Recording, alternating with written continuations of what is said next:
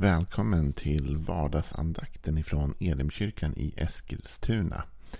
Jag heter Joel Backman och är pastor i Elimkyrkan. Det är måndag idag och jag hoppas att du har haft en fantastisk helg. Det var ju pingst i helgen och vi hade full fart i Elimkyrkan. I lördags kväll så inbjöd vi till en lovsångskväll på nätet. Eh, och i söndags hade vi gudstjänst klockan 11. Båda de här samlingarna finns på nätet. Det är bara att gå upp på elimkyrkan.com eh, så hittar du dem där eller gå in på vår Facebook-sida facebook.com elimeskilstuna så hittar du det. Ligger kvar där. Kan du följa med och kolla in. Ta del av vår lovsångskväll och ta del av vår gudstjänst. Vi är inne i en serie om tio Guds bud. Eh, och vi ska läsa ett bud idag som är kortfattat, koncist men ändå väldigt, väldigt tydligt.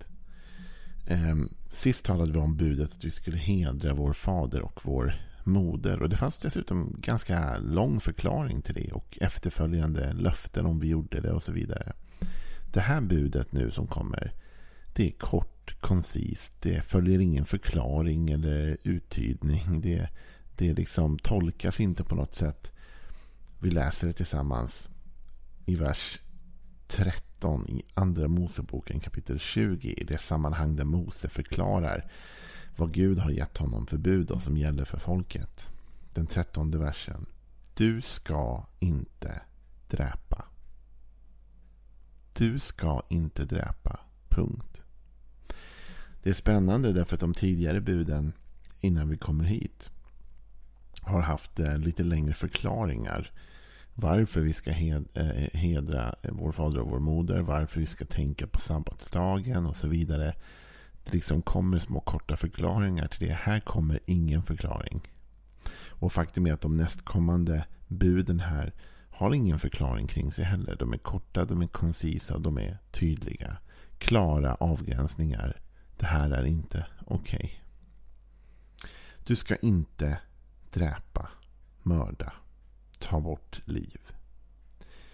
Ja, det finns eh, olika sätt att se på det här. Och jag, i de här vardagsandakterna, mitt syfte är inte bara liksom att teologiskt lägga ut vad det betyder. Va? Man kan nörda in sig i sådana här bibelord. Man kan nörda in sig och börja tänka, ha inte dräpa, men vad, är, vad betyder det? Vad är mord? Vad är, eh, gäller det även oavsiktligt? Vad handlar det om? Och hur, var går gränserna? Och så vidare. Och det finns om man går in i språket, klargöranden och förtydliganden om vad det är och vad det betyder. Men det är inte mitt mål, utan mitt mål är ju att ge dig någonting för den här vardagen, för idag, för den här veckan. Någonting som såklart stämmer överens med detta men som fångar kanske mer en essens av en andakt, en tanke av okej, okay, men hur påverkar det här mig idag? Ja, det finns ju det självklara i det här budet. Det som inte behöver förklaras. På ett sätt kan man tänka så här. Det är ganska klart att det inte finns en förklaring. Alltså det behöver inte förklaras. Du ska inte mörda någon. Du ska inte ta livet av någon. Du ska inte döda. Det tycker vi väl är på ett sätt väldigt, väldigt självklart. Men om vi ser förbi det självklara för en stund. För faktum är att de allra flesta människor gör inte det. De flesta människor dödar ingen, mördar ingen, dräper ingen. Det är inte så att världsbefolkningen består mestadels av mördare. det är skönt det i alla fall. Utan eh, mesta delen av världens befolkning är inte mördare. Eh, och gör inte detta, bryter inte mot detta bud. Till skillnad från bud som kommer sen som du ska inte vittna falskt och så vidare. Där kanske det liksom är en större del av befolkningen som ägnar sig åt, åt att ljuga ibland eller tala osanning. Men att mörda, att döda, nej, det är inte så värst många som kanske gör just den faktiska gärningen. Men det innebär inte att vi inte bryter mot det här budet ändå, tänker jag. Det innebär inte att vi inte bryter mot det som är själva principen, det som är den underliggande sanningen i detta bud. Därför vi förstår ju sedan tidigare att Gud är inte ute efter bara att säga så här får du inte göra och därför ska du inte göra det för att jag sa det. Utan alla Guds bud och Guds syften bygger på någonting. Bygger på en tanke, en princip. Bygger på vårt bästa. David sa att de här buden ger frihet om vi förstår dem. De ger liv, de ger lycka. För de förklarar någonting. Okej, okay, men hur ska vi då tolka detta? Du ska inte döda, du ska inte mörda. Undrar vad Jesus säger om det. Säger han någonting om det? Ja, det gör han faktiskt. Blir det lättare eller blir det svårare? Ja, det blir inte bättre. Om man vill komma undan med grejer i livet så blir det inte bättre av det Jesus säger. Men det ger oss en förtydligande. Ska vi läsa? Matteus, det femte kapitlet. Det är det vi kallar för bergspredikan. Jesu mest kända predikan. I den så går han in och så finns det ett parti där vi brukar säga att Jesus skärper lagens bud. Och då läser vi det i Matteus 5 och vers 21. Så säger Jesus till fariséerna och de skriftlärda. Ni har hört att det blev sagt till fäderna. Du ska inte dräpa. Den som dräper undgår inte sin dom. Men jag säger er. Den som blir vred på sin broder undgår inte sin dom. Och den som okvädar sin broder undgår inte att ställas inför rådet. Och den som förbannar honom undgår inte helvetets eld. Om du bär fram din gåva till offeraltaret och där kommer ihåg att din broder har något otalt med dig. Så låt din gåva ligga framför altaret och gå först och försona dig med honom. Kom sedan tillbaka och bär fram din gåva. Skynda dig att komma överens med din motpart medan ni ännu är på väg. Så att han inte överlämnar dig åt domaren och domaren överlämnar dig åt vakten och du sätts i fängelse tuffa, tuffa bud från Jesus. Jesus säger okej, okay, ni hörde att, att till era fäder så sa Gud att du ska inte dräpa. Men jag säger att den som blir vred på sin broder undgår inte sin dom. Wow, nu, nu kan vi börja känna igen oss lite grann allihopa. Okej. Okay. Den som okvädar sin broder undgår inte att ställas inför rådet. Den som förbannar honom undgår inte helvetets eld. Och så kommer sen en uppmaning till försoning. Där Jesus börjar tala om att om du kommer på eller vet om att du har något otalt med någon, se till att reda ut det. Red ut det innan du kommer till Gud med dina gåvor eller din önskan. Eller, gå först och red ut detta. Och det är tufft. Och då tänker du så här, det här var väl inte vad jag ville höra på en måndag. När jag behövde peppa, när jag behövde support och när jag behövde uppmuntran. Så alltså, kommer jag höra det här liksom. Eh, det känns ju inte bra. Men det känns bra, därför nu ska jag förklara för dig varför jag tror Jesus säger detta. Jag tror att när det talas om att vi inte ska dräpa så är det klart att det handlar delvis om det fysiska livet. Självklart är det det. Men det handlar om all form av liv. När vi börjar förstå Gud bättre så förstår vi att Gud är livets Gud. Han är inte dödens Gud. Han är inte den som utsläcker. Han är den som skapar liv. Han är den som föder liv. Han är inte den som blir vred. Han är den som förlåter. Han är inte den som förbannar, han är den som välsignar. Han står i livets tjänst. Och den kristna tron har alltid stått i livets tjänst. Den kristna tron har genom alla liksom tider eh, verkligen kämpat för livet. I alla dess olika former. Kämpat för livets värde, kämpat för varje människas värde. Kämpat för livet. Jesus han sammanfattar detta i Johannes kapitel 10. Och så säger han så här när han förklarar skillnaden mellan honom och mellan den onde, mellan djävulen och honom. Och han kallar sig själv för den gode herden. Och han kallar djävulen för tjuven. Och i vers 10, Johannes kapitel 10 och vers 10 står det. Tjuven kommer bara för att stjäla, slakta och döda. Jag har kommit för att de ska ha liv och liv i överflöd. Så när vi förstår att Jesus säger att han har kommit för att ge liv. Och inte bara ge lite grann liv, utan liv i överflöd. Han står i livets tjänst. Då förstår vi att själva uttrycket du ska inte dräpa handlar om egentligen mer än bara ta en människas liv. Du ska inte på något sätt döda livet hos någon. Och det kan man göra på olika sätt. Jag menar, det finns människor som lever men som inte har livsglädje. De senaste eh, onsdagskvällarna när vi har bön så har det kommit in sådana här böneämnen. Och ett av dem har varit att, att be om livsmod och livsglädje. Liksom. Det är viktigt. Man kan tappa livsglädjen. Man kan tappa livsmodet. Ja, hur gör man det? Och då tänker jag att då är vi ganska nära det Jesus undervisar om.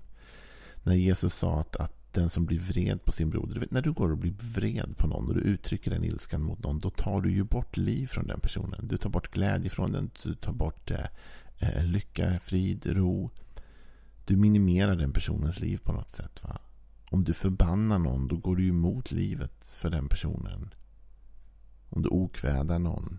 När Jesus kom för att ge liv och liv i överflöd. Men tjuven, det är också ganska tydligt vad han kom för att göra. Jesus säger tjuven kommer bara för att stjäla, slakta och döda. Så varje gång du och jag står i dödens tjänst så har vi tyvärr gett oss åt den ondes tjänst.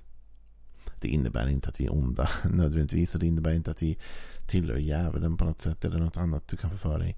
Men det innebär att när jag ändå står i dödens tjänst, det vill säga jag tar bort liv från någon.